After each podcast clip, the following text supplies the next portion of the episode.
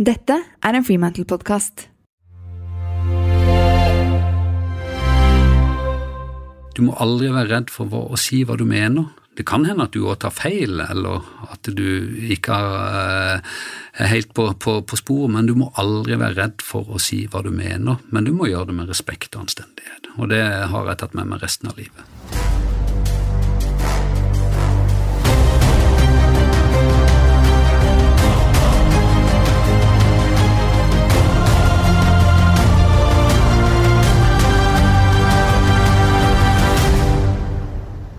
Er mentaltrener Cecilie Ystenes Myhre, og i podkasten Grit skal jeg gi deg noe av hemmeligheten bak suksessen til ulike fremadstormende mennesker. Mennesker som har grit. Per Høiby er managing partner i First House og gjest i denne episoden. Per har bred erfaring og lang erfaring som rådgiver for toppledere i offentlig og privat sektor.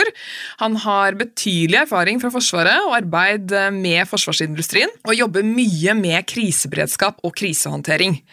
Han er i tillegg en ettertrakta samtalepartner for ledere i ulike strategiprosesser og i håndtering av kompliserte saker, med andre ord folk som står under mye press, og som må ha mental styrke. I dagens samtale snakker vi om alt fra hvordan han forbereder seg, til hvordan han kobler av, selv om det stormer. Per deler også hvorfor yoga har utgjort en stor forskjell for han, og hva han er nådeløs på. Velkommen, Per Høiby. Takk skal du ha. Veldig hyggelig å ha deg her. Jeg skal gå rett på sak, for jeg skal også bruke tiden din godt. Jeg har jo litt lyst til å, å, begynne litt der det hele startet. Kan ikke du starte med å bare fortelle litt om deg selv, og hvorfor du har blitt som den du har blitt i dag? Ja, jeg kan jo iallfall starte med at jeg er født i Kristiansand og vokste opp i ei bygd i en by, et sted som heter Vågsbygd, og det var en veldig fin oppvekst. Jeg hadde tre søsken, en eldre bror og to yngre søsken, og gjorde alt det vanlige, drev mye med idrett, gikk på skole og gjorde ugagn og sånn som en gjør i barndommen, og om det er noe av det som har prega meg, så tror jeg det først og fremst er idretten, at det fikk meg på sånn rett kjøl. Jeg var jo kanskje der jeg fikk selvtilliten min. Lærte meg også å, å jobbe med, med, skolen og sånt, så, så, det var nok det jeg vil trekke frem fra barndommen. Ja, Den så, mestringen du den fikk? Den mestringa som idretten uh, følte til, som ga en enorm selvtillit. Og så er det jo selvfølgelig, vil jeg si kanskje at Sjøkrigsskolen var nok også en veldig fin sånn der dannelsesgreie. Jeg syns det var drittkjedelig å gå på Sjøkrigsskolen, rett og slett. Men det som du fikk der, for, for å si at det var jo en høyskole, og, men en militær sådan, og det var jo mye militære disipliner i tillegg til det vanlige faglige, så var vi utsatt for små og store lederoppgaver kontinuerlig, hver eneste dag gjennom fire år drøyt. Det var jo også veldig irriterende å la et sånt bånd på handlefriheten for, for uh, unge studenter. Men uh, jeg tror ikke vi skjønte verdien av det før du gikk ut porten og kom ut i et vanlig jobbliv og, og, og, skjønte hva egentlig du hadde fått med deg av ballast som ikke du kan liksom definere som det eller det, men, men, men som bare er der på et vis. Mm.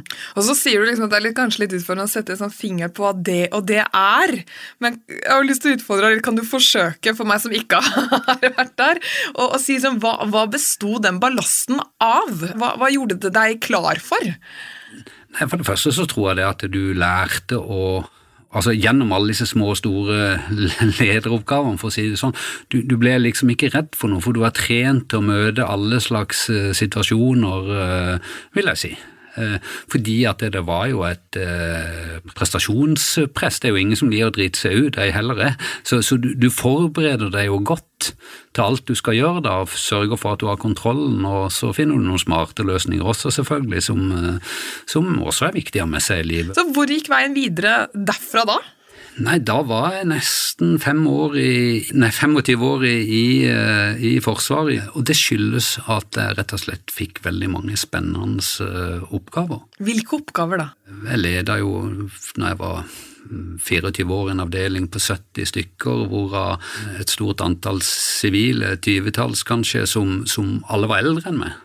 Mine nærmeste var i 50-åra, og det er klart det, det lærer du mye av på det tidspunktet da, hva tenkte Per da kontra nå, når, når en sånn oppgave sto foran deg? du hiver deg over oppgaven med frisk pågangsmot, vil jeg si. Og, og, og, det er jo sånn at jeg lærte jo også en, en, en oberst i hæren en gang, og han sa til meg en stjerne gjør ingen sommer, og jeg skjønte jo ikke en puck av hva han mente med det, men det var jo en omskrivning av noe eh, sånt eh, innledning på et dikt eller noe sånt. Så, så forklarte han meg at husk på det at eh, du må aldri være redd for å si hva du mener. Det kan hende at du òg tar feil, eller at du ikke er helt på, på, på sporet, men du må aldri være redd for å si hva du mener. Men du må gjøre det med respekt og anstendighet, og det har jeg tatt med meg resten av livet. Har det vært noen rød tråd i de rollene og jobbene du har eh, gått for i Forsvaret?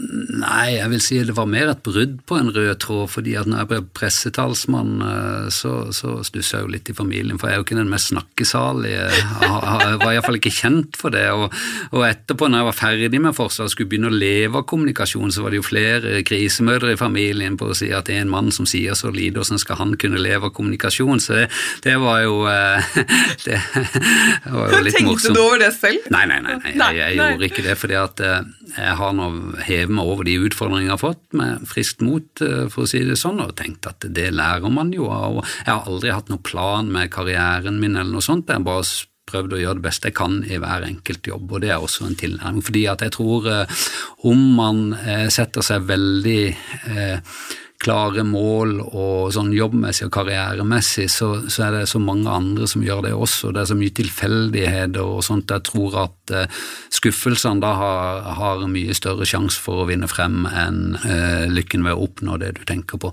Så, vi, så jeg er sikker på at alle som gjør så godt de kan der de til enhver tid er, de kommer til å bli fornøyd til slutt. Da åpner det seg dører. Ja. Ja. Men uh, i forhold til dette med å ha rådgiverroller, da, som da fordrer mye tillit og det å kunne lene seg på deg under press, hvilken tilnærming har du hatt til det?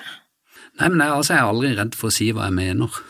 Jeg Der kom Oversens råd inn? Ja. ja, eh, jeg tror nok det. Eh, og, og det hjelper godt. og Jeg tror alle i krevende situasjoner har eh, behov for å ha noen fra utsida som kan hjelpe å korrigere bildet.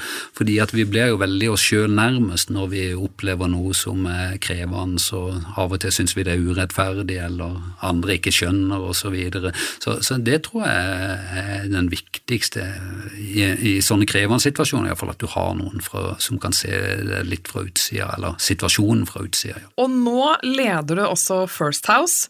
Du må fortelle med dine ord hvem er First House? Ja, vi etablerte jo First House for drøye ti år tilbake.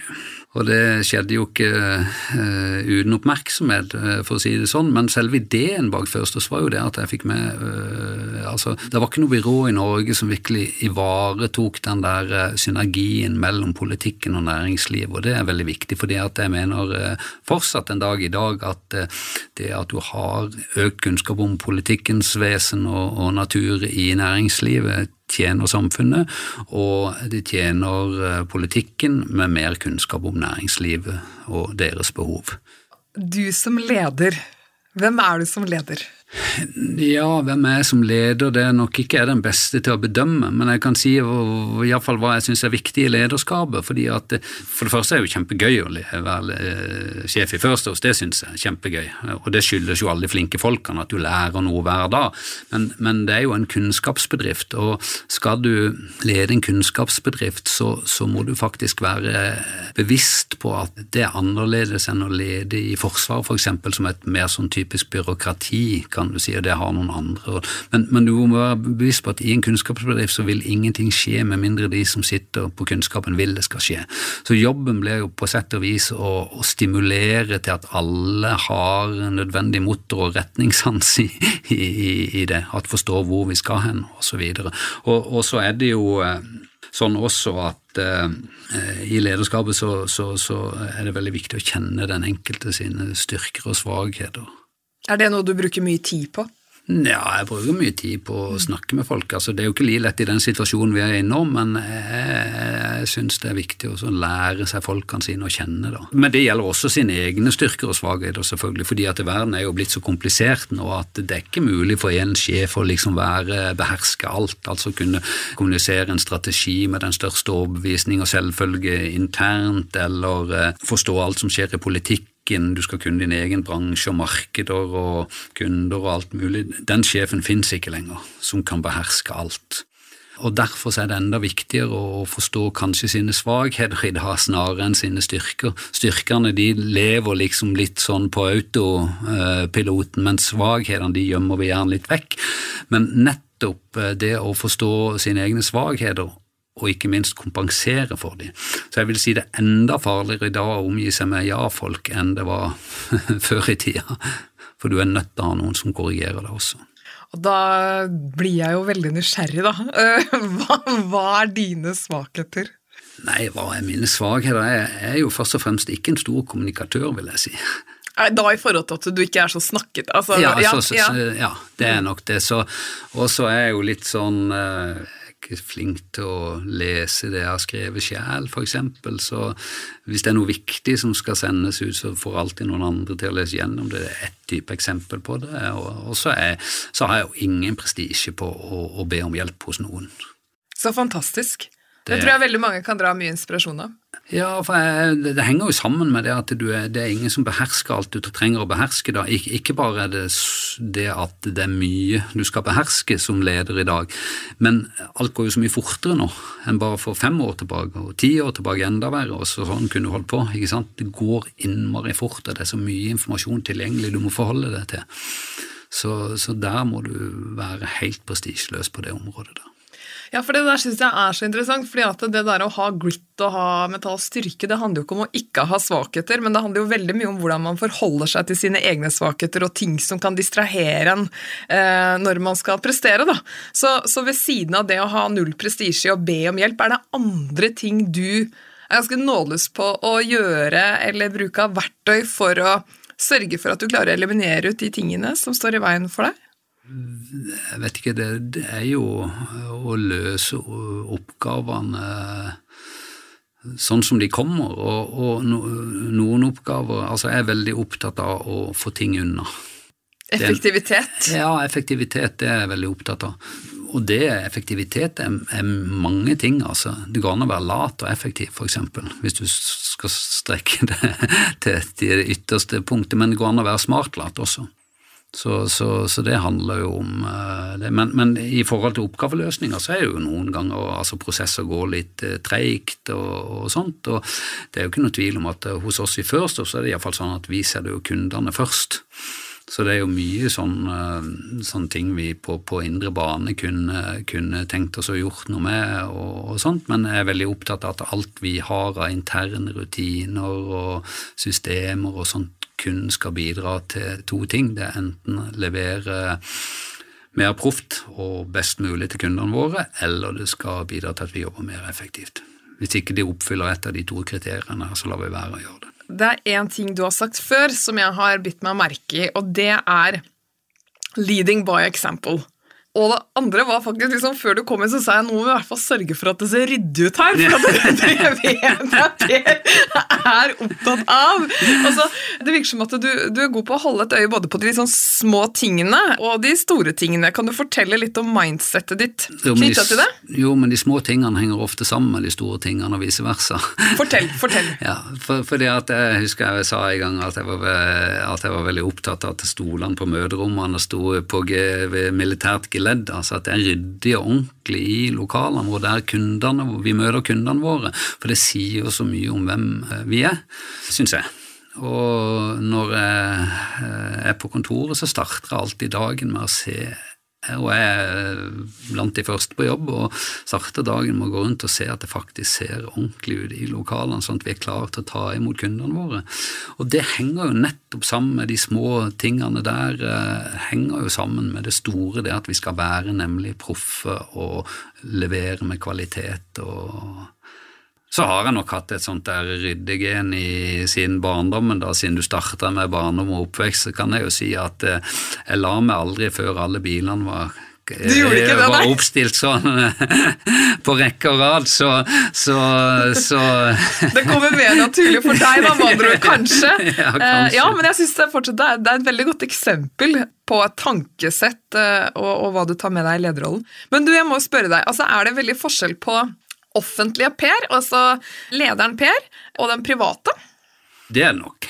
På hvilken måte da? Aller mest så, så Ja, det er mange likhetstrekk også, men, men altså som uh, både far, uh, kjæreste, ektemann og sånn, så er man jo litt mer avslappa i enkeltsituasjoner. Men, men, samtidig så tror jeg nok jeg har uh, en veldig god evne til å koble ut jobben på fritida, selv om jobben min er en livsstil og foregår hele døgnet og i ferier og alt mulig. For tilgjengeligheten er det viktigste, veldig viktig for meg, sånn at ikke jeg skal bli noen propp i systemet. Når det er behov for min involvering på et eller annet vis, så eh, gjør jeg alltid det, og det gjør alle som jobber i First House. Men eh, når jeg kobler av, så er jeg veldig flink til å koble av, altså. Hvordan eh, klarer du den switchen? Nei, det er noe du tror jeg må lære deg litt til å bare bestemme deg for. Sånn, en sånn metode jeg bruker, er f.eks. at jeg bestemmer meg for på lørdager, med mindre det, det, skjer noe skikkelig viktig og, eller alvorlig, så jeg jobber jeg aldri på lørdager. Det er et prinsipp du har? Det, ja. Det, ja, det prøver jeg. Det er jo ikke alltid det går, altså, vel å merke, men, men, men, men, som en hovedregel så, så bruker jeg det så elsker jeg å gjøre sånn fysisk arbeid. Trene og drive med de aktivitetene jeg liker å drive med. Og de er også veldig avkoblende. Og så leser jeg. Og, og du har hund? Og jeg har hund, ja, absolutt. Eh, den kan også ta oppmerksomhet. Den kan også ta oppmerksomhet, men det å, det å være i sånne situasjoner øh, Mange av de altså, Når jeg trener, det gjør jeg veldig jevnt og trutt, øh, vil jeg si. Eh, ganske flink til det. Seil og elsker det. Jeg syns det er imponerende. Du, det høres ut som du, du, klarer å få det inn, da, selv om det er en ganske hektisk uh, timeplan. ja, jeg er nødt til å prioritere det. Og så jeg elsker jeg være sammen med barnebarna mine, og de er fire, og det er jo Avkobling, det også. Men det å lære de forskjellige ting syns jeg er kjempegøy. Schibsted Bedrift er min annonsør, og de tilbyr digitale bedriftsabonnement på 16 av Norges viktigste nyhetskilder, bl.a. Aftenposten, E24, VG, Bergens Tidende og Stavanger Aftenblad. Personlig så er jeg veldig glad i å bruke de digitale flatene aktivt til å gjøre research og hele tiden følge med på hva som er aktuelt, og hva som preger oss mennesker i hverdagen. For det er veldig mye psykologi i nyhetsbilder. Så det å ha med seg det inn når man skal møte andre mennesker, enten det er i møter eller om det er holde foredrag, eh, holde kurs osv., det syns jeg er veldig veldig bra. Så sørg for at alle i bedriften har tilgang på de viktigste nyhetskildene, og da er det bare å ta kontakt på bedrift.skipsted.no, så får dere et helt uforpliktende tilbud satt opp med priser og løsninger bedrift.skipsted.no. Skriv det ned, og vurdere til din bedrift i dag. Du, jeg må spørre deg, fordi Som mentaltrener så kan jeg oppleve at faktisk noe av det som en, en kunde kan ta opp til meg, som de kan oppleve da, som, som utfordrende å forstå, i hvert fall tidlig i karrieren, er det de vil kalle liksom, litt det politiske spillet på arbeidsplassen. Hva tror du folk legger i det?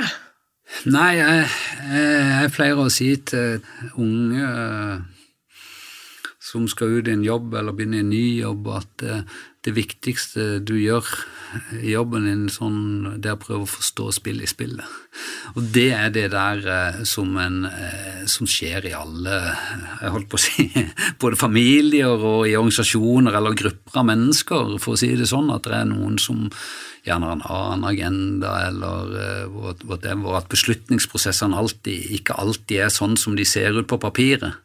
Og det, det, er viktig, og hvem som påvirker mest, og vi har alle hørt om den sjefen som lar seg påvirke mest av den eller den, eller enten det er økonomisjefen eller markedssjefen eller osv. Det, det, er, det er noe med det. Det er jo et uttrykk for den menneskelige naturen, tenker jeg. Du, du må forstå det spillet, tenker jeg. Ja, og, og, hvordan gjør man det? Men det er jo uh, overvågenhet og observasjon, egentlig. Å se det, det er ikke liksom noe, noe utover det som tror du ser det etter hvert, altså.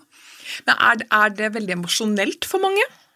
Ja, jeg tror det er veldig emosjonelt for mange, og så særlig når eh, for de som holdt på å si, ikke er på den grønne greina at det, at det spillet, for å si det sånn, altså de som møter motbøren og sånt. og det, det, det kan jeg forstå. Og du som har sittet på, altså, sitter tett på mennesker med mye makt, altså, hvor røft kan det gå for seg? For det jeg lurer på i denne anledningen er jo hvor mentalt sterk må man være? når man snakker om de øverste greinene, da? Nei, altså eh, Jeg tror alle eh, krever informasjon om det som skjer når det er noe vondt og vanskelig. Så jeg tror medisinen iallfall er, er å ha godt informerte folk. Men det er klart at noen ganger kan det gå ei kule varmt både her og der, og det, det er jo veldig ofte at det ikke er nødvendig å la det gå ei kule varmt, mener jeg. Fordi at er ubehagelige, vanskelige ting kan fortsatt snakkes om på en anstendig måte. Det er iallfall jeg veldig opptatt av. Men, men altså, jeg tror de fleste som har vært gjennom et eh, langt arbeidsliv, og noen som et kortere, har opplevd krevende og, og, og, og vanskelige situasjoner, og det det er en del av, av gamet, tenker jeg. altså. Noe man må tåle? Ja, Jeg sier ikke at man skal tåle alt. Nei, men mye, for, mye. For, mye må, må, være forberedt på det, og det er, det er jo liksom også sånn i en eh, Det kan være kul varmt mellom mann og kone også, selv, selv om og det, det, det men, men, men, man er jo som regel gift fortsatt, da. så, så, så, så, det er jo litt på det, det planet. Man er, jo, man, er jo, eh, man er jo som regel glad i arbeidsplassen sin og vil det beste for arbeidsplassen sin, og det tror jeg gjelder de aller fleste. Eh, varierer nok. altså I store organisasjoner er det kanskje vanskeligere, men det er jo også et lederansvar å, å liksom bygge et lag. Men klart, det derre å få navnet sitt på forsida av Finansavisen eller, eller, få kritikk i det offentlige rom, da, det er jo noe veldig mange kan bekymre seg for eller kjenne er ganske heftig. Og det er der jeg syns du er veldig rå. Fortell litt mer om tankesettet ditt og hvordan du forholder deg til stormer ja, jeg tror da eh, jeg vil, jeg vil, egentlig bare starte med å si at eh, jeg har lært meg å ikke bekymre meg over ting jeg ikke kan dø av, for å si det sånn. Rett og slett fordi at eh, når jeg var noen og 30 år, så fikk jeg kyssesyke. Som jeg ble såpass alvorlig ramma at jeg var delvis arbeidsufør iallfall i to-tre år. Fordi at den, den kyssesyka, den lada meg helt ut. Så jeg kunne ikke gå fra kjøkkenet til stua uten at jeg hadde følt jeg hadde gått en maraton, rett og slett. Og det eh, å ha vært gjennom noe sånt, det har jo også bidratt til at du da, da føler du deg nokså klein, altså. Det kan jeg si. Og da, den sakte gjenoppbygginga som vi måtte starte på da, sånn både fysisk og mentalt, vil jeg si, det var nok en veldig viktig lærdom i, i det, nemlig å takle det at det stormer. Eh, fordi at eh, Vel, var, altså jeg er egentlig ikke sånn som bekymrer meg veldig mye lenger over noen ting. Så det satte et perspektiv på alt? Det satte et perspektiv på, på det veldig, på veldig mye. Veldig mye. Og det å eh, liksom være veldig bevisst på dette med å ikke bekymre seg over ting som ikke er grunn til å bekymre seg over. Eh, altså, da tenker jeg mer de eksistensielle tingene i, i livet, altså som nær familie og, de du bryr deg om, og nære kollegaer og alt sånt. Det er jo det viktigste, at vi, vi, vi har det bra. Alt andre, det som går på det mer materielle og, og sånt, det, det jeg har jo vært gjennom eh, mye stormer i, i First jeg, hvor jeg, jeg, står støtt med begge beina. Jeg har aldri mista nattesøvnen uh, ever. Kanskje med unntak for uh, et snaut år siden, når koronaen la uh, teppet falle av seg over Norge og alt var mørkt, hvor vi ikke kunne se noe. Jeg som seiler og sånt, det, det er jo som å seile inn i tåka og ikke se noen ting. Og det er en veldig ubehagelig situasjon. Hvem er du da? Hvem, eller hvem var du da? Nei, eh, jeg var jo først og fremst bekymra, som veldig mange i dette var hva kommer dette til å innebære for oss, bety for oss, for kollegaene mine aller mest? Vi permitterte folk, eh, vi gikk ned i lønn, vi gjorde alle de rasjonelle tingene for å stå bedre rusta, vi gjorde de veldig tidlig. Eh, nettopp, ja nesten med i gang, vil jeg si, nettopp for å ikke miste handlefriheten vår. Og det var det aller viktigste. Holde Så er det jo noen som har kritisert meg da for at jeg tok for hardt i. Men det er alltid lett å si det i ettertid når vi så jo hvordan det gikk, og det gikk veldig bra med oss, og det gjør det fortsatt. Så, men jeg ville gjort da, som sagt akkurat det samme en gang til, i samme situasjon. Det der er interessant. fordi Vil du si at du er du en, eh, en leder som liker å ta risiko, eller er du den som sier 'sitt stille, sitt stille' og ikke gjør noe? Nei, altså sitt stille og ikke gjøre noe, det er sjelden løsninger. Men jeg, jeg, vil ikke si at det er noe, noe, noe sånn spesielt risikovillig. Altså Organisasjoner jo, øh, har jo forskjellig risikovilje, akkurat som sikkert du og meg har forskjellig risikovilje. Eh, du vil sikkert satse mer i poker enn det jeg gjorde hvis jeg spilte poker. Nei, det var veldig bra lest, Per! så, ja. så nei, men eh, det illustrerer liksom Sånn er det med virksomheter også. Og, og, og, men jeg vil ikke si jeg er nok uh, ganske ansvarlig, tror jeg. Men uh, feil. Vi må snakke om feil. Hvordan forholder du deg til feil, og hva er den største feilen du har gjort? Nei, alle gjør feil. Altså, alle gjør feil. Det er det ikke noe tvil om. Og øh, den som ikke gjør feil, gjør for lite, mener jeg. Ja, så en, så en uh, ja, for... kollega som kommer til deg og har gjort en skikkelig bommert, hvordan blir han hun møtt? Det må være to, stort rom for å gjøre feil. Altså, du må buddy-check og, og, snakke med andre og få andre til kvalitetssikre og, og, sånt. Da eliminerer du veldig mye feil sånn i det daglige arbeidet, vil jeg si. Hvis jeg skal relatere feil altså Her er mitt liste over feil. Jeg må jo være, jeg kunne jo sikkert skrevet bok om det, men, men eh, hvis jeg skal relatere det til først, så tror jeg nok at uh, det med feilansettelser er jo veldig dyrt for en virksomhet som vår. Og det har jeg gjort nå. nå. Ja. Det, det, jeg lærte veldig fort av det, var, var rett og slett at eh, når du skal eh, jobbe i First så skal du ikke bare være flink, men du skal passe inn hos oss på et vis. For vi har jo vår kultur og vår arbeidsmetodikk og, og alt sånt, og måter å være på og sånt. Så, så derfor så involverer jeg veldig mange i den prosessen. Og det går jo en gjensidighet. Både det gir den si, som eventuelt skal begynne hos oss, et bredere grunnlag til å vurdere om de har lyst til å begynne hos oss, rett og slett fordi at de får møte veldig mange av sine fremtidige kolleger. Så derfor tar prosessene våre litt det kan ta litt lang tid av og til, men, men da eliminerer vi iallfall uh, muligheten for feilansettelser. Eller når vi ansetter veldig unge medarbeidere, så tar jeg alltid noen av de yngre, fordi det er jo nettopp de som kan vurdere best hva som skal til for å, å være en god ung rådgiver i First House. De har den skoen på. Du, Å stå støtt når ikke alle vil følge, det er utfordrende for veldig mange ledere. Det er jo når uh, folk applauderer deg og, og, ting går bra, og du tar de beslutningene alle liker, at uh, flyten går. Men hva er ditt mindset rundt det når, når no, Og du har jo sterke personligheter i First House! Ja da. Ja, hva, hva, skjer når uh, noen setter bremsen på? Nei eh jeg syns vi er veldig utviklingsorienterte i sin alminnelighet. Og så er det jo det at det å være sjef er jo for så vidt ikke noe popularitetskonkurranse. Hvis du har det som målsetting, så vil du, tror jeg, være veldig kortvarig sjef, altså. Eh, det er jo fokuset og, og, og, jo større det jo blir, jo vanskeligere er det jo for alle med på, på, på alt. Og det må du jo for så, for så vidt ha respekt for. Men, men, har du gode prosesser på viktige utviklingsting, eller er, er flink til å involvere, forklare, så, så kommer du iallfall litt lenger. Så du har et veldig sånn pragmatisk syn på det? Eh, er det det ja, jeg hører? Ja, jeg er veldig pragmatisk. Det vil jeg si. Veldig pragmatisk. Men min jobb er jo å lede selskapet mot de målene vi har satt oss. Så der er jo mitt fokus. Det betyr av og til at jeg må ta uh, upopulære beslutninger, uh, og, og, og, sånn er det bare. Og hvordan forbereder du deg til de vanskelige samtalene? Nei, de vanskelige samtalene er jeg aldri redd for. Fordi? Nei, Det vet jeg ikke, men, men, jeg tror det handler om at jeg eh, egentlig fra den eh, første store lederjobben jeg hadde altså når jeg var 24-25 år og hadde ansvar for 70 stykker, og flere av de som var rett under meg, var, var dobbelt så gammel som meg, så betyr jo det at du, du, kan jo Du er jo nødt til å gå inn i det også, men, men som jeg sier, med anstendighet. Og da er ikke det så farlig allikevel. Og jeg tror folk setter pris på det.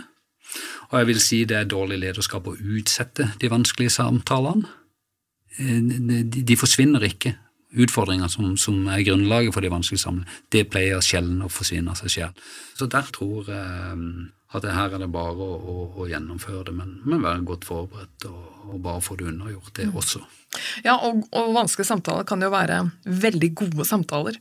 Og Du nevner stikkordet forberedelser ganske mange ganger. Mm. Og det er sikkert ulike forberedelser du gjør opp mot hva som skal utføres og hva som er målet, men er det noen rød tråd i hva du alltid tar med deg inn i en forberedelse som, hvor, hvor oppgaven du skal gjennomføre, innebærer litt puls? Uh, ja. Det, det, er først og fremst gode forberedelser. Hvis jeg skal uh, snakke om noe på en stor forsamling, uh, det har jeg gjort noen ganger, og, eller skal intervjues på TV eller noe sånt, da er du nødt til å være godt forberedt. I egentlig alle kommunikasjonssammenhenger så må du være godt forberedt. Alt fra en medarbeidersamtale, eller du skal presentere noe på et ukemøte, eller Eh, det andre, men, men jeg, jeg, pleier å være godt forberedt. Det er nok eh, Jeg tror de fleste vil si at jeg er opptatt av. Jeg liker ikke å ta ting på sparket. Kjøper du deg tid da? Nei. Nei. Nei, altså Du har den tida du har, liksom. Ja, ja. Så, så, så, så, det er ikke noe triks du har der? Nei, nei, nei, jeg har ikke noe triks der. Jo, altså, du kan kjøpe deg tid når en journalist ringer, og det er jo lurt eh, fordi at eh, du nettopp skal få tid til å forberede deg. Det er nå én ting, men, men, skal du holde et foredrag, eller noe sånt, da, da kan jeg det. Og så er det ofte dagsformen eh, er avgjørende også for performancen, vil jeg si, men, men, det kan du ikke gjøre noe med. Men er du godt forberedt, så er du iallfall sikker på at du ikke driter deg ut. Ja, Så du legger mye av selvtilliten din inn i forberedelsene dine? Ja, jeg gjør nok det, og det tror jeg gjelder for, for mange. Det er jo eh, det er jo som Churchill sa, det er ingenting som uh, krever så mye forberedelser som en improvisert tale. og det er Det mm. tror jeg gjelder de fleste. Jeg tror Jens Stoltenberg for eksempel, han forberedte seg like godt som når han skulle på Dagsrevyen, som når han skulle intervjue seg i en eller annen lokalavis. Er det noen verdier eller prinsipper som du aldri viker fra? Jeg prøver å være veldig ærlig. Så prøver jeg å være veldig rettferdig. Eh, og har nok en utvikla rettferdighetssans. Den kan jo slå ut på mange vis. Det er ikke det at eh, altså, mm, Sånn sett så burde jeg jo reist og hjulpet folk som var atskillig verre enn det vi har det her. Eh, men Nå gjør jeg jo ikke det, men jeg har nok en iboende rettferdighetssans. Jeg husker et intervju, eh, så fikk jeg kritikk av noen fordi jeg svarte 'hva gjør du aldri', så sa jeg 'lyver' det kom iallfall frem sånn på det viset, og det er egentlig ment å si jeg prøver aldri å, å, å, lyve eller ikke si sannheten. Det er et veldig viktig prinsipp for meg. Så kan man jo tolke det så bokstavelig som de kritikerne og det svaret jeg ga, men, men, men, jeg prøver å være kjempeærlig så langt jeg kan. Altså. Og så, som kona mi sier, hvis, jeg, hvis, det er noen som svikter meg, da er jeg nådeløs. Å, fortell. Nei, altså, da, eh, som, da er de på skittlista mi for resten av livet. Ja, ja. Du er sånn som skorpionen, du, da. Du glemmer aldri. Nei, det er litt sånn, uh, sier jeg, men, men, men, uh, men jeg, altså, jeg liker ikke å bli lurt. Nei. Som en tilgivelse i den sangen. Nå tenker jeg sørlending her. Tilgivelse. Ja, ja, nå, nå, nå tilhører jeg en del av de der sørlendingene som ikke går så ofte i kirka, for å si det sånn, men, men uh, jo, selvfølgelig kan man få en, en, en god prat om det, og sånn, så, så, så, gjør jeg jo selvfølgelig det. Men det er jo ikke alltid det er tilrettelagt for det. Så, så men, men uh, Sa han pragmatisk? det er jo, det er jo Men, men, men uh, der er jeg er enig med kona mi, jeg er nådeløs når det gjelder det. altså. Ja, og, men det er liksom interessant, Jeg setter lojalitet høyt. Ja. Det, det gjør jeg virkelig. Du, eh, for å klare den hverdagen du gjør med en ganske heftig lederstilling og, og nok av andre ting også, som både bestefar og, og hundeeier Alle disse tingene skal jo pleies. Hvilke verktøy eller mentale verktøy bruker du i hverdagen for å ja, si, optimalisere deg selv og de rundt deg? Ja, nå jeg skulle si at jeg har drevet ti år med yoga, men eh, det hadde ingenting med noe mentalt verktøy. Men jeg skal komme med et gratis råd til alle menn som har dårlige rygger, og det er å begynne med yoga. Ja. Det er forskningsmessig bevist at uh, det faktisk er veldig bra for, uh, for uh, menns svake rygger, og det skyldes jo rett og slett at vi blir så stive i hoftene og da tar ryggsøylen mer av, belastninga på kroppen. Så, så, jeg hadde ti år med ryggplager, én Ja. til to skiveutglidninger. Etter jeg begynte med yoga, har jeg ikke hatt en skiveutglidning. Jeg har vondt i ryggen av og til, men ikke på nær sagt det. Så det var dagens gratis råd når det gjaldt eh, Så du går på yoga? jeg har slutta nå, da, men, eh, men jeg tar noen øvelser som er der fortsatt nesten daglig, som hjelper på, på akkurat det å strekke i hoftepartiet. Men eh, det å koble ut, rett og slett, det er jo det du spør om, egentlig. Og, og der er det igjen altså de aktivitetene jeg driver med, seiling, trening, eh, golf spiller òg. Og det er sånne ting som tar meg ut av den der jobbmoduset.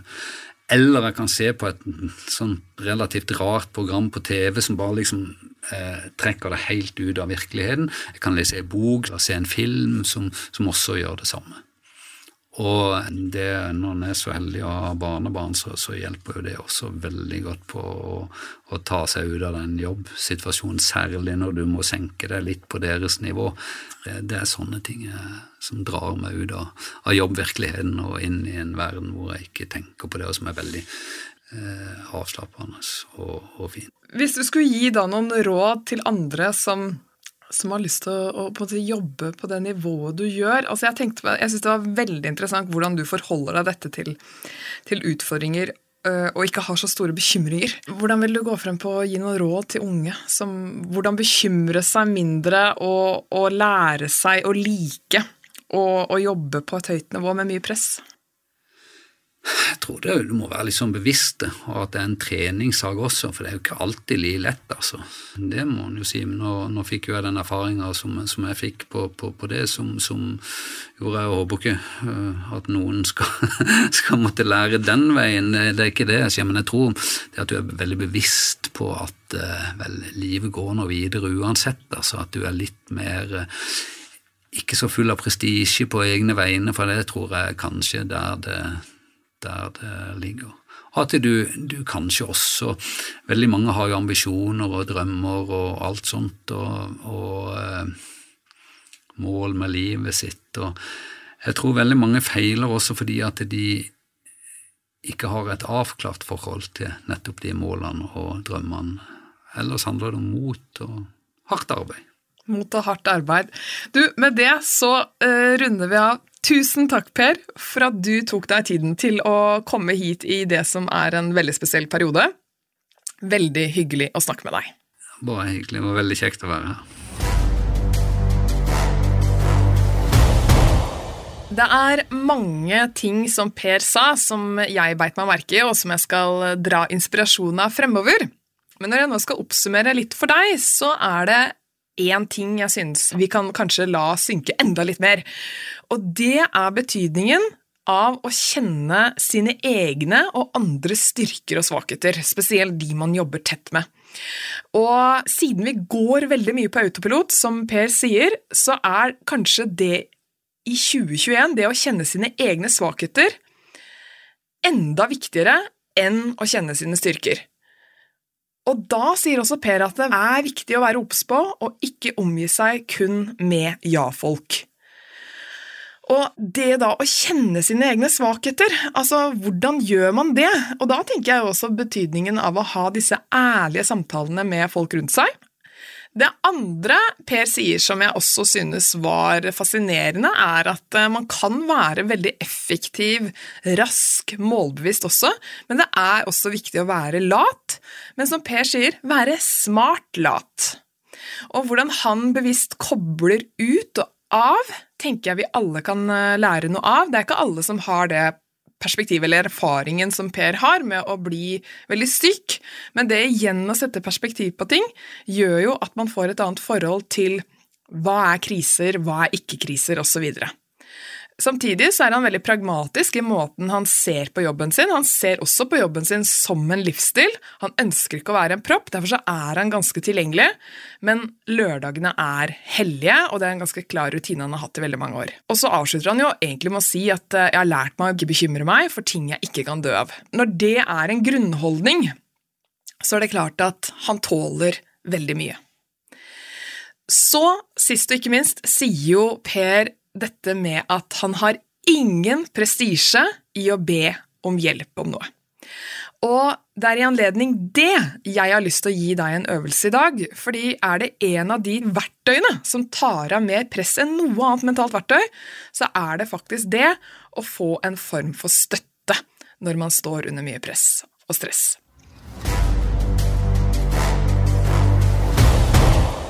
Dagens øvelse er en øvelse i å be om mer hjelp. Og som jeg sa, det å få hjelp tar av masse press. Så nå skal du kartlegge fire ulike støttefunksjoner som jeg mener du bør ha i livet ditt og bruke aktivt når du trenger det. Fordi Tenk bare i idrettens verden. Jeg har lenge vært en del av støtteapparatene til noen av Norges og verdens beste idrettsutøvere.